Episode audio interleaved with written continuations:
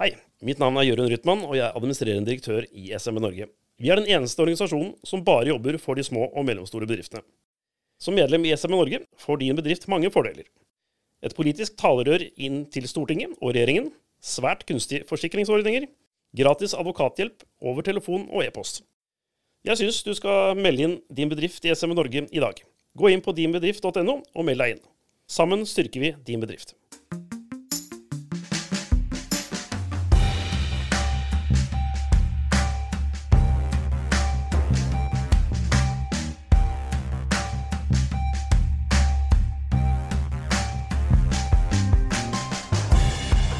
Hei og velkommen til en ny episode av SMB Norge-podkasten. Vi sitter her i Oslo-studio med Klaus Jacobsen.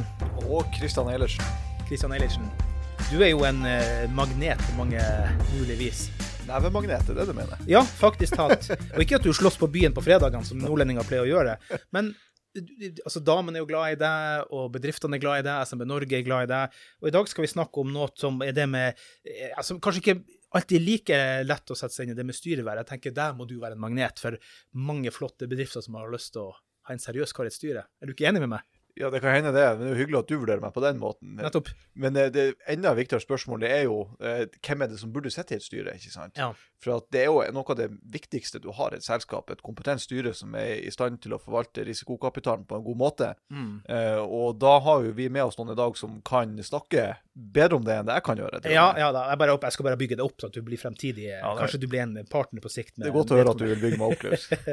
Nei, men poenget er at det her kan være komplisert, eller kan det være enkelt? Det er jo sånne ting man ikke alltid eh, tenker på. Det med styreverv er veldig viktig i næringslivet. Og, og noen sitter jo med veldig mange styreverv i, i næringslivet, og det gjør vedkommende som i dag, da.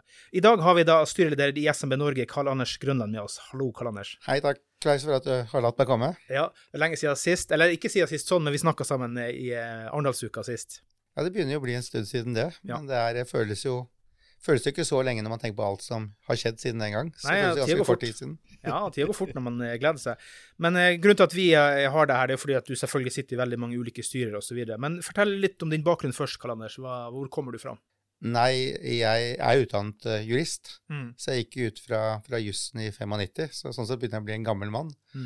Og det Velkommen første, det faktisk, faktisk første jeg gjorde, var at jeg var eh, sekretær for aksjelovutvalget, så jeg skrev en del av lovtekstene og forarbeidene for, for utvalget. Aksjelovutvalget. Eh, Aksjelovutvalget.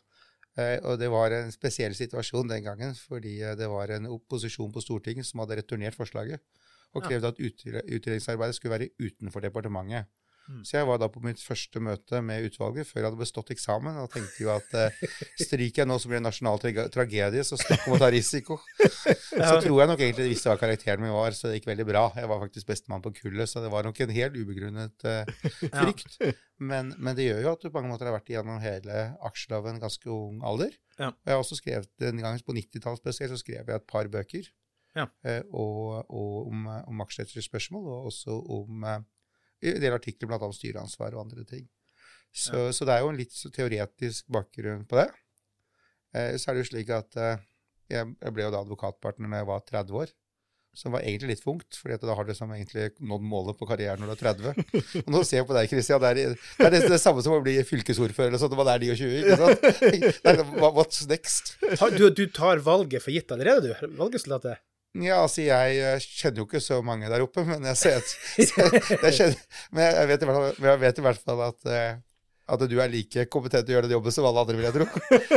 Så, Ja, men vi plikter å opplyse da at du er jo da kandidat oppe i nord, da. Kristian, derfor han eh, spiller på det, da. Ja da, men ja. fortsatt viktig å understreke at eh, SME Norge er en partipolitisk uavhengig Ja organisasjon. Ja da, men så ikke folk blir forvirra. Jeg er ikke medlem av noe parti, så Nei. sånn sett så er jeg ganske nøytral. Ja. Men, men nei, så, så, så da ble det jo slik at eh, jeg kom litt ut på to, rundt 2010, så var det slik at det var en del selskaper som jeg var med på å starte. Jeg syns egentlig fikk veldig smaken på det å, å bygge selskaper. Mm. Så har jeg vært med på noen selskaper fra det gang var to stykker som satt på et lite rom, til å bli flere hundre ansatte. Eh, noen av dem er på børs, og noen av dem er eh, ennå ikke på børs. Nei. Og det har, liksom, det, er, det har vært mange oppturer, og så har det vært eh, noen ting som ikke har vært eh, fullt så godt, som har blitt nedturer. Selv om man har eh, kanskje unngått konkurs og sånn, så er det klart alt har jo ikke vokst. Og det er jo oftest det, Altså du må ha en god del forutsetninger på plass for å lykkes med selskap. Mm.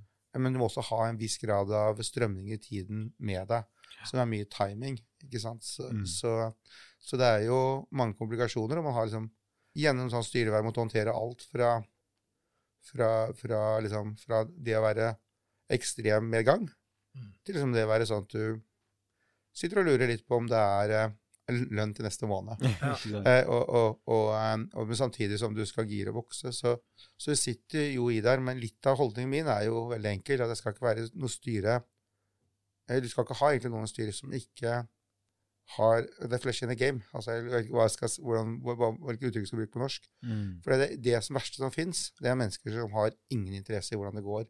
Så hvis du ikke på en måte har putta noe risiko i hvordan det går, Mm. Så er det forferdelig tøft når du kommer inn i perioder. Samtidig så må du ikke ha så mye risiko at du ikke klarer å ta de strategiske beslutningene. Og det er liksom litt av det gamet som jeg sier at hvis du, ikke er, hvis du bare er med på oppsiden eller bare med på nedsiden, så er det i seg selv et problem. Hvis du ikke har noen av delene, så har du ofte veldig lite å bidra med. Mm. For da blir det ikke noe engasjement og ikke noe passion. Og det viktigste egenskapet som styremedlem er jo at du har passion for det du driver med. Og jo mindre selskap er, jo mer passion må du ha. Fordi det store forskjellen mellom det å være bygge et selskap fra to-tre ansatte, er at da er du egentlig med på alt. Mm. Når det er større, så er det, skal du nettopp ikke være med alt. For da, du skal ikke lege visekonsernsjef, som noen styremedlemmer gjør. Altså det er noe som kan alt. Som ikke, og, og som på en måte blir mer en hindring for utviklingen. For det dreier seg om å legge til rette av kontroll og strategisk ledelse. Mm. Eh, og det er, eh, det er, det er, det er, Den grensedragningen kan ofte være vanskelig. Den er aldri den samme i alle selskaper. Nei, ikke sant. Men når var det du kom inn eh, i ditt første styre? Og mitt første styre var faktisk da jeg var, 18, jeg var 19. Ja. Eh, for da hadde familien min noe som het eh, Eidsvoll Tremiljø, som jeg investerte i, som holdt til på Eidsvoll. Og så den gangen lagde BBB-reoler. Eh, så jeg var faktisk med på det allerede når jeg, når, når jeg, når jeg studerte. Altså, så er jeg en politisk, har vært med i organisasjoner og sånn jeg var 16-15 Jo, jo. år. Vi tenker ikke Men- på russestyret nå. men, altså. Russepresidenten på Nei, jeg, jeg har ikke vært russepresident. På landet. Jeg har ikke vært i det russestyret. Det er, det er kanskje jeg burde begynne på gymnaset igjen for å få med meg den erfaringen. Men eh, nei, nei så, så jeg har liksom vært eh, egentlig ganske, ganske ung da jeg ble kasta ut av det. Mm. Men du, hva er det som har gjort at du egentlig har blitt så aktiv innenfor næringslivet, Karl Anders? For at du er jo advokat, du er jurist, som sier. Hvorfor, hvorfor har du blitt den veien med næringslivet? Det må jo være ligge noe mer bak enn en juss, da, i hvert fall, for å si det sånn, da. Ja, altså Juss er bare én del av det jeg sitter i styret. Mm. Jeg har også tatt eh, økonomieksamen på Handelshøyskolen, så jeg har liksom også hatt litt ved siden av. Mm. eh, Og tatt litt strategi på Harvard, så jeg har liksom, liksom blandet bakgrunn. Men det siste kom mye, mye senere. Men, men det har jo noe med at jeg liker å bygge ting. Ja. Eh, ikke sant? Du kan si det samme litt med advokatfirma nå, som liksom har gått fra 3-4 til 20 mennesker. Det er jo også en, en styreindustri. Men, men det er litt alltid, det er ikke noe du planlegger. Jeg tror, som jeg sa takk sagt tidligere på en annen podkast et annet sted, Mm. at du planlegger en styrekarriere som en karrierevei, så er det egentlig uegna i mitt hode. Ja. Mm. Eh, For da har du et helt galt perspektiv på det. Men det er jo mer med at eh, det begynner liksom ofte på den andre veien. Og du faktisk er interessert og ønsker å være med på å utvikle, interessert i businessen. Og så er det vel noen aksjonærene som syns du kanskje har kompetanse til å kunne bidra. Mm. Og så, For jeg er jo veldig få av det, men Jeg har et par selskaper som jeg er majoritetseier i, men, men der er jeg alene i styret. Så, så, så, så, så, eh, men, men, men, eh, men eh, Det er ikke helt riktig, og sønnen min er faktisk med i det styret. Så, så det er, men, men, men, eh, det er liksom, så, det, så det blir jo en blanding der i forhold til, eh, til at liksom man er- ønsker å bygge. Altså, jeg sier stort sett nei til ting Mm. Eh, som det ikke er i hvert fall en tanke om at man skal bli eier på sikt. Ja. Mm. For jeg, klarer, jeg merker at det engasjerer meg egentlig ikke noe. Skaper noe morsomme er jo både å være eh, altså være med på å bygge ting, gründer. Mm. Og så pleier jeg å si at eh, du har egentlig aldri blitt ordentlig gründer før du har måttet låne fra din egen privatkonto Mm. lønn, penger til lønn. Nei. Altså, det, altså Fram til det så er du egentlig bare rookie i mitt hode i forhold til det å ta risiko. Jeg tror alle, alle som bygger business, vet at det alltid vil trenge penger i en start. Mm. Altså Nesten uansett, enten fordi det vokser, Mm. eller fordi du taper. Og det er veldig sjelden du begynner med en stor cashflow i begynnelsen. Og Der er liksom litt av det viktige at hvis du får noen som ikke har eh, interesse i selskapet, så er det sånn da stikker man av når første vinden kommer. Mm. Og det er det verste som kan skje, for du trenger ikke først og fremst styre på gode dager.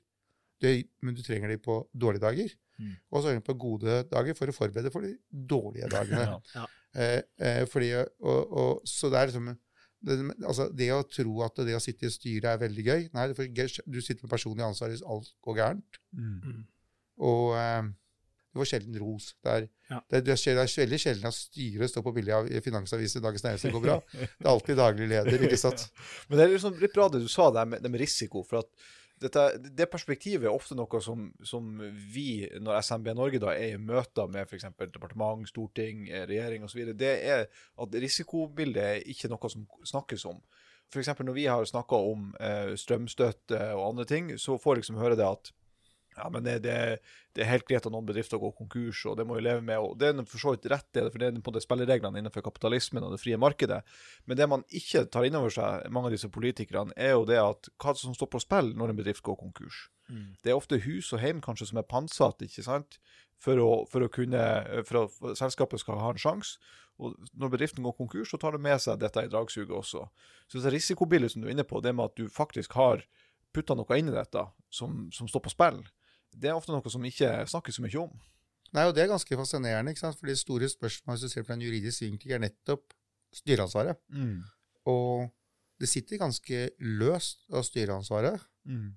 Og eh, du har jo det økonomiske ansvaret er jo veldig ofte ja, Én ting er at du kan bli ansvarlig, men det er også ganske slitsomt at du kan trues med det. Eh, og det er jo klart det at eh, i vanskelige situasjoner eller ting er gått, så har man jo også opplevd drapstrusler. Altså fra, fra sinte mennesker. Mm. Og det er ikke så veldig morsomt nødvendigvis familiemessig, og det er klart, man tar det kanskje ikke så alvorlig. Men du har den, den, den frykten for at du kan bli saksøkt for et ubegrenset beløp, er ganske alvorlig. og Derfor er det veldig risikosport for eksempel å gå inn i, i, um, i et styre uten å ha styreforsikring, f.eks. Så veldig mange små og mellomstore bedrifter gjør. Eh, ikke nødvendigvis bare fordi at du eh, nødvendigvis har gjort noe gærent, men noen kan saksøke seg. og Mm. nå, skal ikke jeg, nå, får jeg sikkert noe spydighet på det jeg sier nå, men det, advokater i den sammenhengen er ofte ikke billige, Nei. nettopp fordi det er så sammensatte vurderinger. Slik at, eh, slik at man skal ikke undervurdere det. sitter ganske løst å saksøke Ja. styre rundt og, og klandre. Eh, Det er jo veldig ofte styret blir hengt ut når det er gærent. Det er ikke alltid like daglig leder, ikke sant? Det er, Nei, nei, det er styret. Eh, Og, og eh, det er i hvert fall noe som man må ha et veldig veldig bevisst forhold til. Ja. Er, det, er det veldig vanlig å tegne sånne forsikringer? Ja, jeg, mener, jeg, har det all, jeg har det både personlig og Ja, men har du noe noen feeling på om det er vanlig, eller? er Nei, altså jeg er det undervurdert? altså, altså, jeg svarer, altså, Jo mindre selskaper, jo mindre vanlig er det. Ja. Eh, og Det er jo derfor annet vi nå i SMB Norge kommer til ivre for løsninger hvor faktisk vi gir medlemmene styreforsikring. Mm. Eh, og Det er nettopp fordi at jeg, jeg mener at det er viktig, men, men jeg tror de fleste menneskene tenker ikke på det. Starter du en mindre altså, all, Det høres veldig flott ut når jeg kan si liksom, at jeg sitter i en del selskaper som er tre selskaper som er på børs i, i tre land. De har alle starta som små. Ja. Og et av dem er faktisk, etter min mening, også veldig mye å likestille med, med, altså, med en del SMBs bedrift. i en grad at Problemstillingen er det samme. Ja. Altså, det, er, det er liksom ikke sånn fordi de blir større, så blir, blir, blir problemene annerledes. Det er bare at de blir ofte større omfang. Ja. I hvert fall når du er i vekstfaser.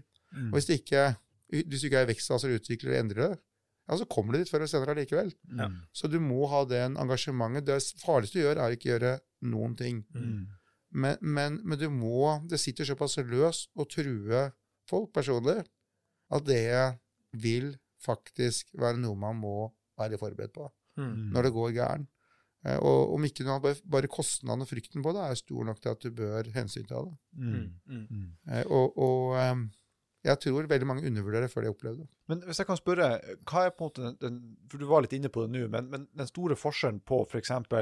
å være styreleder eller styremedlem i Roger Rør AS med, med to ansatte, kontra det å være styreleder i et børsnotert selskap med, med kanskje mange hundre ansatte. Hva er den store forskjellen i, i det? Den store forskjellen er når det er to stykker så blir det veldig mye mer involvert. La oss si at én ansatt slutter. Altså Når det er 300 stykker, så vet folk knapt nok med at én har sluttet. Eller oppsigelse. Du blir veldig mye nærmere og tettere på det. Mm. Så grensedragning overfor det å være daglig leder blir ofte mye mindre. Eh, og du får mye større utfordringer i rolleblanding, hva man er. Men egentlig så er det ikke så store forskjellen. Men det er ikke noe regelendre, det er ikke noe som skiller regel mellom et stort konsern og en liten eh, Roger Rør tomannsbedrift og det som Nei, er det er, det, er, det er, altså Når du kommer på børs, er det klart da har du større regler fordi det er på børs. og Ja. Du har noen un unntak, du har noen få unntak, men i store og hele så er eh, reglene de samme. Ja. Og det har jo vært et et- evig tilbakevendende spørsmål om du ikke skulle ha egne regler for mikroselskaper. Mm. Men så er det sånn at hvis det ikke Og det går ikke nødvendigvis på antall regler, men det går på å gjøre det enklere. Mm. Eh, så man ikke har formalgrep som du kan bli lurt av. Mm. Fordi eh, det er vanskelig å tenke seg at man skal oppheve generalforsamling eller styre eller daglig lederrollen og fjerne den ut av loven. ikke sant? Og noe av det som er viktig, er kanskje ikke reglenes lengde, antall regler, men det er forutsigbarheten i reglene. Ja. Mm. Som jo er det du sliter med, at du går i feller og glemmer. Og jeg tror alle som i dag sitter i styrer, blir jo får jo magesår hver vår. Fordi at du skal jo, og hver enkelt endring som kommer, medfører at regnskap blir mer komplisert. Mm. Det er klart, Med mindre du driver regnskapsbyrå, så er det jo egentlig ingen som har starta starta et selskap fordi du har lyst til å føre regnskap og drive med formaliteter. Nei. Altså, altså det er liksom, det er, du, Men du må følge det opp. Mm. Og det er klart det at uh, jo større du blir, jo mer formaliserte styreprosesser får du, fordi styrearbeidet pågår egentlig ikke i styret. Mm. Altså Styrearbeidet er en løpende prosess hvor man diskuterer skjerm jo mindre du er. Jo mer det betyr ikke at noen styremedlemmer ikke er med, nei, nei. men det betyr at det er en løpende dialog når hendelser dukker opp. Du kan liksom ikke vente et halvt år til hvis du har likviditetsproblemer eller hvis du har en stor kontrakt. Tempoet er så raskt at du har, er egentlig aldri off on. Eh, og for meg så skal jeg aldri si aldri, men jeg tror ikke det går en uke uten at jeg snakker med alle daglige lederne i de selskapene jeg har. Nei. I, i, eh, i, i, altså, i de, du, har, du sitter jo ofte sånt dobbeltopp, så du sitter ofte i mor- og datterselskap. Hvis det er sentralt, og da, snakker du, da er det de samme menneskene begge steder. Så hvis det er kanskje to samtaler igjen, så er det ikke så mye det høres ut. Men det, det, det, fungerer ikke altså med, med avstand. Og det er noe jeg har, hatt en, har snakket mye om. At det, det viktigste er å ha et styre som er forutsigbart. Mm. Altså, fordi det legges altså, man, man må når man, Spesielt når man vokser, og det- og det er veldig behov for å vite hvor folk står. Og Jo mer du har diskutert prinsipielt gjennom ting, jo mindre tid trenger du å bruke på det når det faktisk dukker opp. Mm. For da har man gitt retningslinjen, og så er det mer et spørsmål om taktisk vurdering. Mm. Når, om det passer å gjøre det akkurat i den situasjonen man er inne i. Mm. Men uh, speaking of, vi skal ta et par spørsmål til før vi tar en liten uh, intern reklamesnutt. Men uh, magesår, du må jo være immun. For hvor mange, hvor mange styrer er det du sitter i nå, røftlig? Har du telling sjøl? For du sitter i ganske mange styrer nå. Ja, jeg sitter i ett i England, jeg sitter i to i Nigeria, jeg sitter i ett i USA. eh, Jeg sitter i Altså, jeg er børsnotert på Norge, Sverige og Danmark. Mm. Eh, Og så blir det vel en 7-8 i Norge. Det er litt avhengig av hvordan du regner. Ja. Jeg regner ikke med to egne, egne holdingselskaper, for der, der sitter jeg og prater med meg selv, og det går ganske bra. Det kan jeg gjøre når jeg vil. Ja. Jeg kan til og med gjøre i søvne, men, men, eh, men, og så er det noen selskaper som har mor- og datterselskap eller eiendomsselskap eller andre ting, hvor man har strategiske grunner. Så, så i mitt hode så henger mange sammen med hverandre, så ni-ti selskaper. Ja, men, men hvordan forholder du deg til det? For det må jo være ulike regelverker fra Nigeria til Norge, da. Hvordan klarer du å holde din tunga rett i munnen, da, for å si det sånn, i forhold til det styrearbeidet du gjør nå? Ja, Det største forskjellen mellom Nigeria og Norge er det angloamerikanske systemet, hvor, har, hvor styret er litt utvidet konsernledelse. og Det er det samme i England. Ja. Så forskjellen fra USA Mer aktiv Nigeria- da, egentlig, i drifta? Nei, du har mer i Norge, så er styret egentlig noe som sitter over den daglige ledelsen, ikke skal delta. Ja. Mens i angloamerikanske land så er mer non-executive board members. Er mer en liksom utvidelse av eh, managementgruppa med noen utenforstående som skal se på ting. Nå gjør jeg forenkler det veldig, og, og det er jo et langt foredrag å fortelle om forskjellene med det, men det er jo, den, det er jo faktisk grunnen til at det ikke har vært regelutvikling på styrearbeid i EU, er fordi du har ulike systemer på akkurat det. Mm. Vi har den såkalte tysk-kontinentale modellen, hvor styret egentlig skal sitte over og være et overorgan og strategisk ledelse. Mm. Men det, det kan jeg holde et foredrag om. Jeg holdt om, nesten på å si at det er spennende, men det er mer spennende å høre en liten reklamesnutt, så kommer vi straks tilbake her. Hei, mitt navn er Jørund Rytman, og jeg er administrerende direktør i SMB Norge. Vi er den eneste organisasjonen som bare jobber for de små og mellomstore bedriftene. Som medlem i SMB Norge får din bedrift mange fordeler. Et politisk talerør inn til Stortinget og regjeringen, svært kunstige forsikringsordninger, gratis advokathjelp over telefon og e-post. Jeg syns du skal melde inn din bedrift i SMB Norge i dag. Gå inn på dinbedrift.no og meld deg inn. Sammen styrker vi din bedrift.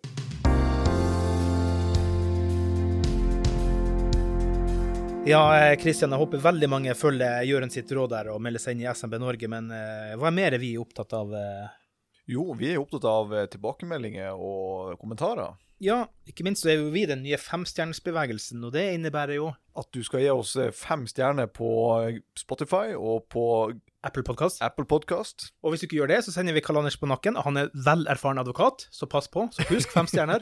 Og ikke minst, legg gjerne igjen en kommentar også, og gi oss en, en rating der. Eh, Det Ja. er veldig fint med de tilbakemeldingene, og det hjelper oss også å spre podkasten enda mer. Ja. Og del den i ditt næringsnettverk også, for her får du ufattelig mange temaer. Bare i dag så skal vi spille inn fire episoder som skal utover, med masse forskjellige varierte temaer, og det er Så med, med andre ord så kan lytterne glede seg til masse spennende innhold fremover. Ja, og hvis du ikke var enig med meg og Kristian at det var spennende, så sender du en tilbakemelding på podcast med c.smbnorge.no, men vi tar helst bare skryt. Sånn Ja, er det. Og ikke noe mindre enn fem stjerner. Det, vi aksepterer ikke noe annet. Nei.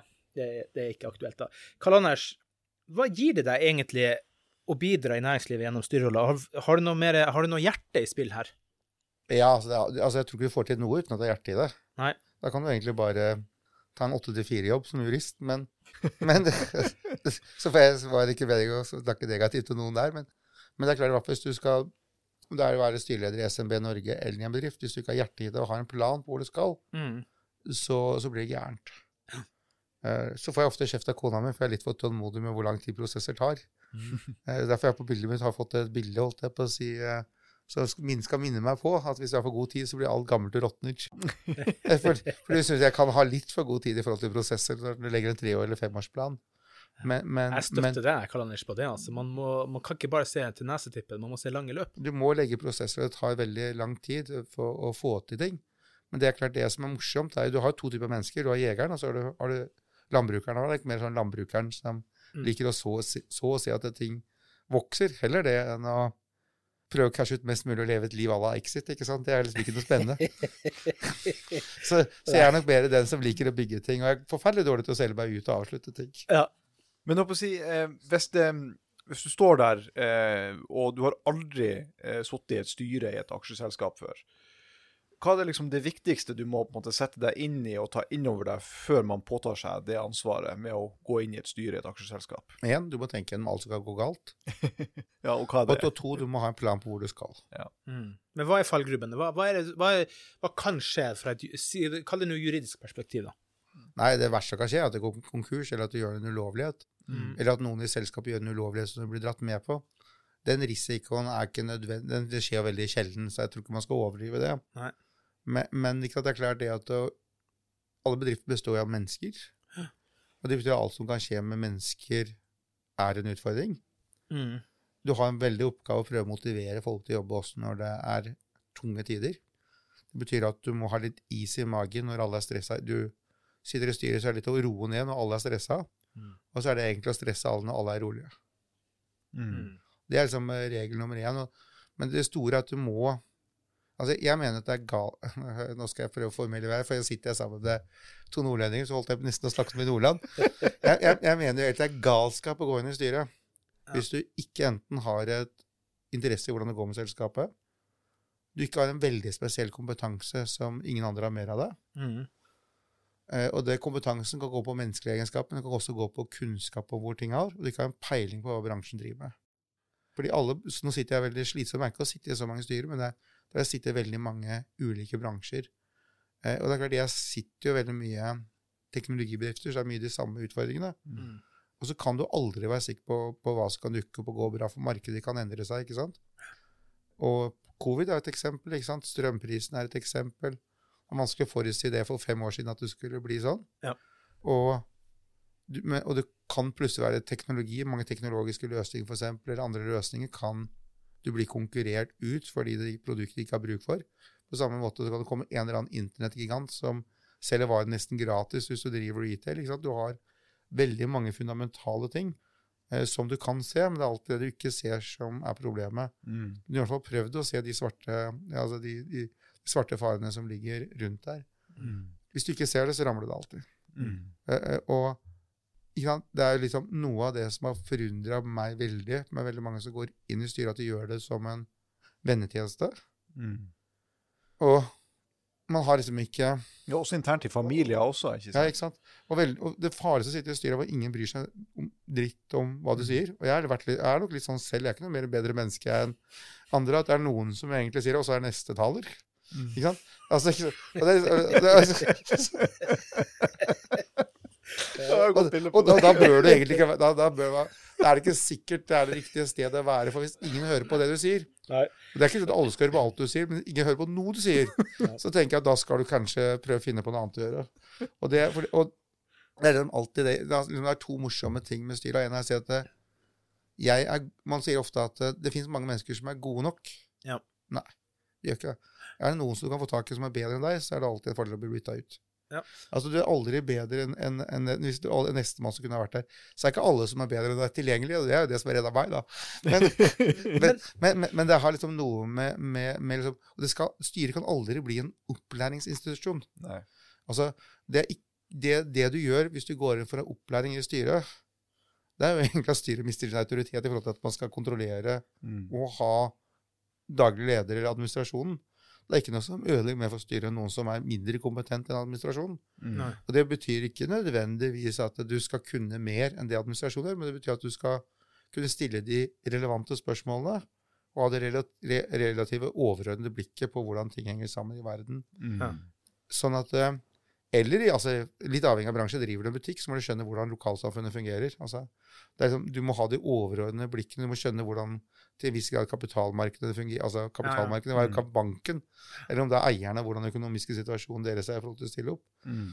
Har du ikke det overordnede blikket, så, så, så skal du være litt for, så skal du, skal tenke om det er verdt Og det er veldig forskjellig fra store selskaper, for da kan det være globale ting. Ja. Mens driver du eh, er Lokalbutikken, loka, lokal SMB-er, som er La oss si rørlegger, da, som du Mm. tok i stad. Mm. Så bør du vite mange andre rørleggerfirma som er i området, og hvordan etterspørselen er. Mm. Og litt hvordan generelt rørleggermarkedet fungerer. Mm. Eh, hvis du ikke er interessert i å lære, du, lære det, eller sette deg inn i det, så tror jeg kanskje at man skal være, være, være, være, være der. Det er liksom ikke nok at du er en alminnelig fornuftig person som sikkert forstår ting. Det, det blir liksom litt sånn farlig. Mm. Men, men eh, jeg håper å si, det å sitte i styret disse tingene her, det er jo, eh, er jo utrolig viktig, og, og mange ting vi snakker om syns jeg er utrolig spennende. Men det er jo, det kan være krevende å finne de rette personene til å sitte i et styre. Det er kanskje... det jeg skulle spørre om òg. Ja, Hvordan rekruttere? Hva ser du? Ja, for det er kanskje den vanskeligste oppgaven, egentlig, å finne de rette personene. Hva er det man egentlig, på en måte, Hvordan skal man gå fram da, for å lete etter den rette personen? Gjerne da tenker jeg i et sånn småbedriftsperspektiv. Eh, hvis du ikke sjøl som eier av bedriften har tenkt å sitte i ditt eget styre. Nei, nå tror jeg mener jeg alltid at de som er i bedrift skal sitte i styret. altså de som er din, For ellers så blir det Mm. en kommunikasjon utenom. Mm. Det er klart det at um, igjen så, så er det jo slik at veldig ofte den største utfordringen er å finne et, høyere stiller kravene, jo vanskeligere er det å finne noen. Og det er jo også et styre skal fungere som et kollegialt organ, også i forhold til bedriftene. Mm. At hvis det blir personkonflikter, så er det egentlig bedre å avslutte det. For da fungerer det ikke.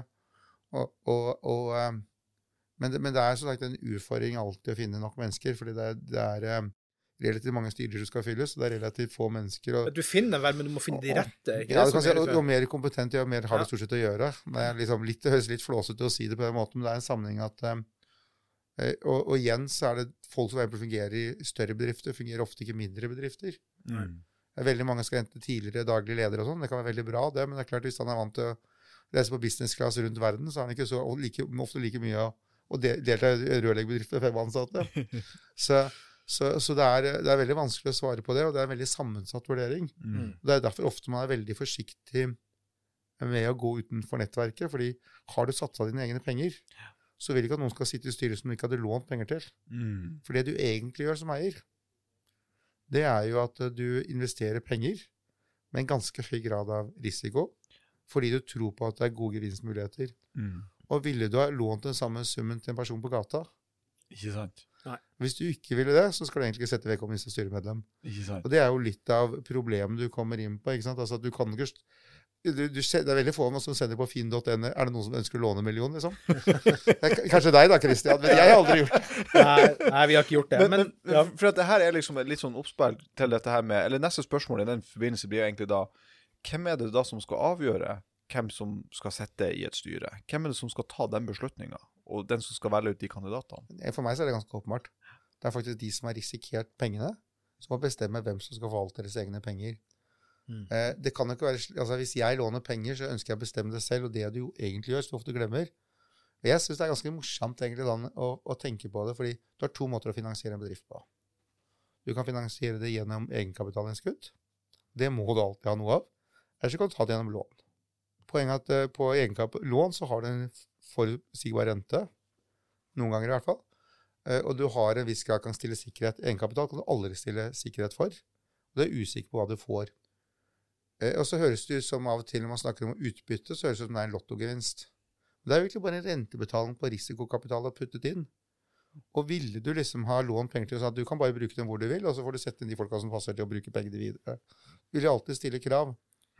Og man glemmer veldig dette her. Det er to ting som er morsomt i debatten om styret. Det ene er at man glemmer faktisk at utbytte er faktisk noe som er rentebetalt på penger du har investert. Mm. Det andre som jeg alltid syns er utrolig morsomt Jeg, må si at jeg, jeg klarer ikke å skjønne det. Eh, og, altså, jeg har sittet liksom i, stats, I Nigeria så sitter jeg sammen med staten, holdt jeg på å si. det. Eh, det høres ut som det å sitte i styret gir så utrolig mye makt. Jeg føler at du egentlig bare må styre til omgivelsene. Jeg føler, jeg føler deg ofte ganske maktesløs. Mm. Du har de pengene du har. Du har de menneskene du har. Du kan gjøre noe med dem, men du kan ikke si folk på dagen. så det er uansett en prosess du skal bytte noen ut. Mm. Du, du, det er ikke sånn at det ligger penger og venter på på gata så gå, så du må faktisk jobbe ganske hardt for å få det inn. Og overbevise. Og den tror på at du har så utrolig mye makt og innflytelse som sitter i styret. Du har definitivt det, for du legger strategiske løp. Men stort sett så styrer du av markedsforhold, Mm. av begivenheter rundt, og forventninger. Mm. Eh, du skal betale skatt. Mm. Eierne, hvis de har, utbytte, har, har formuesskatt, så må du faktisk sørge for at de overlever. Ellers så blir, blir aksjene antakelig solgt, og da vet du ikke hva som skjer videre. For det er den eneste måten de kan finansiere det på. Så jeg er så naiv tro at det skjer så jævla mye maktutøvelse i styret. Mm. Altså, jeg vet ikke om det er så mange som sitter i rørleggerforretning, som du sier, eller om du sitter Mm. i en lompefabrikk, eller om du sitter i et tekstselskap og du føler at du er så utrolig mektig.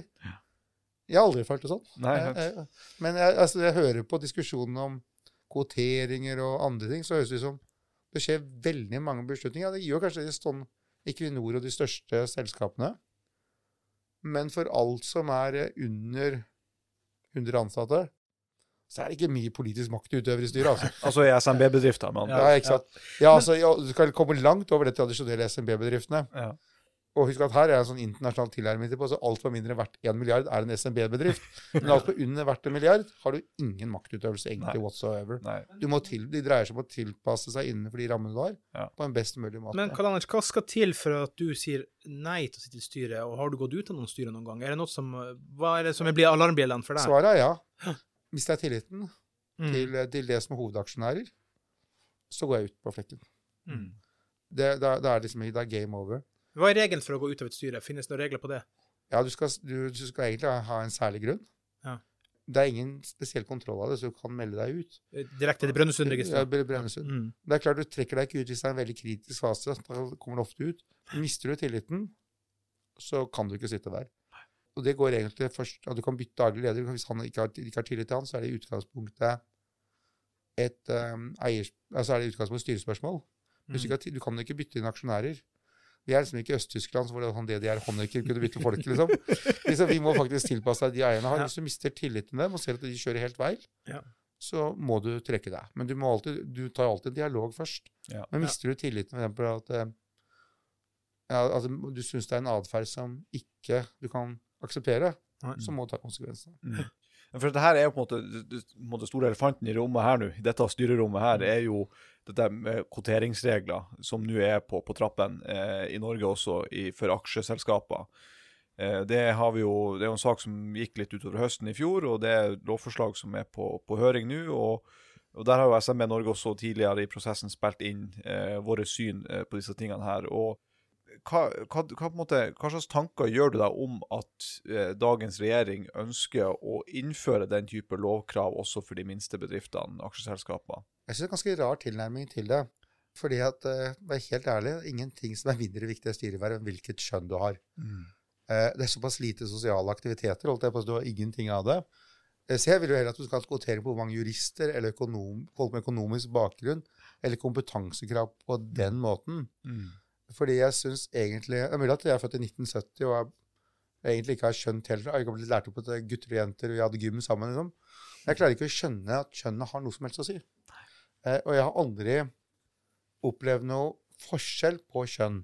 Men det jeg ofte har opplevd, og det går både på gutter og jenter sammen, at hvis du putter inn folk når de er for unge, og har manglende erfaring, så blir man ofte ikke tatt alvorlig. Og da må man overkompensere for å ta det igjen. Mm. Jeg mener jo at eh, ønsker man norsk næringsliv godt, så, så tenker jeg at da burde man egentlig spørre om man, hvilken kompetanse du skal ha. Eh, og og eh, det er liksom der man burde begynne. Og den kompetansen er ganske likt fordelt på kjønnene. Mm. Så tenker jeg at det har også en side som vi ikke må glemme. Og jeg, det, det har jo noe med at du må skaffe en viss erfaring på liksom, operasjonelle nivåer og ha vært, vært på de kompetanseområdene du har. Mm. Og det er klart det at eh, veldig mange som sitter i styret, tar, blir ofte gamle før de får det. Det gjør at det vil ta en tid. Jeg kan godt tenke meg at om 20 år så har vi det motsatte problemet. At vi sliter med at det er for få menn i styrene. Ja, for det er et godt poeng med tanke på at vi ser at kvinner nå eh, håper jeg, er jo i ferd med å nesten overta alle studier. De er i hvert fall i flertall på de fleste i hvert fall prestisjetunge studiene. Juss er de nesten i flertall på nå. Det er fortsatt flere menn som tar økonomisk utdannelse enn det er kvinner, men der også er det eh, nesten 50-50 nå, og kvinneandelen stiger. ikke Og mange sant? av de flinkeste når det kommer fra corporate-sektoren, er faktisk kvinner. Mm. Eh, Det er faktisk flere kvinner ofte enn menn. Men, så, jeg, så jeg tenker at det er det ene. Den andre siden er at vi også må glemme at eh, det er noe slik at eh, de fleste styreverv gjør det ved siden av jobben. Yes. Eh, Hvis du bare gjør det som en hel av jobben, så er du egentlig Men da får du ikke den erfaringen som gjør at da, da spiller du på tidligere kompetanse. Ja. Og det er nå engang Det som er et strukturelt problem i Norge, er jo ofte at kvinner ofte har mindre fritid enn menn. Mm. Og da tror jeg i hvert fall at man skal ikke presse inn de som har minst altså, Og det, det, er- det har jeg sikkert som mann skylda for, som alle, alle andre menn. Dere har jo ikke barn. Ja, du, du, du har jo barn, Klaus. Så, så, så, men, men, men, slik at vi har det har, det har noe med hva du ønsker, og det å få noe, og da, må kvinner ha et ønske om det. Ja, du Man kan ikke tvinge noen. Du kan ikke tvinge Nei, det å tvinge, Ja. altså, jeg, synes det er, altså, jeg mener det er kriminelt imot en kvinne å velge kvotere inn. For da får du spørsmålet om du har kommet inn fordi du er kompetent, eller fordi du er kvinne. Mm. Du, Vi skal gå inn eh, for, eh, for avrunding her nå. Men bare sånn til dere begge to. Rådsmessig, er det noe som SMB Norge kan gi til egne medlemmer på området det med styreverv? Jeg mener det er ganske mye vi kan gjøre. Og jeg tror at det er et tema vi kanskje skal fokusere litt mer på. Fordi alle SMB-bedrifter som ikke er enkeltmannsforetak, har et styre. Mm. Eh, Og jeg tror det som er utfordringen, er å fortelle at styret faktisk kan være en ressurs, Mm. og ikke bare en, eh, noe du må ha, Mm. eller noe som er som en klegg om foten. Mm. Eh, Og det tror jeg man gjør ved å synliggjøre faktisk at eh, styret kan være der. Det har erfaringer, men det er også noe med å nettopp fokusere på styret som verdiutviklende organ. Ja. Det er jo morsomt mellom Norge og USA. bare for å ta det. USA saksøker fordi de ikke er offensive nok. I Norge saksøker de fordi det har gått konkurs hos styremedlem. Ja. Og Det er liksom litt akkurat, det siste snakker vi veldig lite om, akkurat det behovet for å pushe ting Pushe fremover.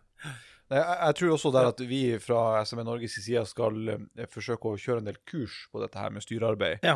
eh, framover. Også viktigheten av det, risikobildet, mulighetene som ligger der, og også det som også Karl er inne på, den muligheten til at det kan være bidra til verdiskapinga uten at det blir dem som går inn og detaljstyrer produksjonen i selskapet. Ja. For det er også litt viktig at, eh, at man ikke går inn der og tror at man er en del liksom, av dem som faktisk skulle gjøre jobben. Man Ja. er på et overordna strategisk nivå. Ja. Ikke sant? Så det tror jeg vi skal kjøre en kursrekke på fremover. Kommer det noe godt ut av det? Og så helt til slutt, Karl Anders. Hvordan er det egentlig å være styreleder, styreleder for oss i SMB Norge?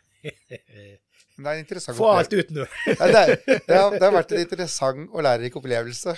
Ja. Eh, eh, og så tenker jeg så, så at eh, jeg tror mitt, Hvis jeg skal få lov til å komme med en veldig personlig erklæring, så tror jeg kona meg min minner om det har ikke så god tid som jeg tror. Nei, da får vi se helt til slutt. Det kan hende at jeg tar opp konkurransen med deg en dag, eh, Karl Anders. Jeg sitter jo i ett styre i dag sjøl, som jeg har meldt inn i SMB. Nei, også er jeg varamann til kompisen min som er kirurg, da, men uh, ligger litt bak deg i løypa. Det gjør jeg. Det var en utrolig interessant samtale, Karl Anders. Masse nyttig informasjon som jeg tror dem de som lytter til podkasten, kommer til å ha veldig nytte av å, å høre på. Ja, og, hvis du er enig i det, så husk å gi oss en eh, fin liten Fem stjerners tilbakemelding på Ja. både Spotify og Apple Podkast. ja. Eller så sender vi Karl Anders på dem. Og ikke minst, husk å melde deg inn i SMB Norge på dinbedrift.no. Jeg blir litt bekymra for at mange ikke vil melde seg nå, for du skal sende meg etter dem. Takk for at du kom. Takk for at du kom, Karl Anders. Tusen takk.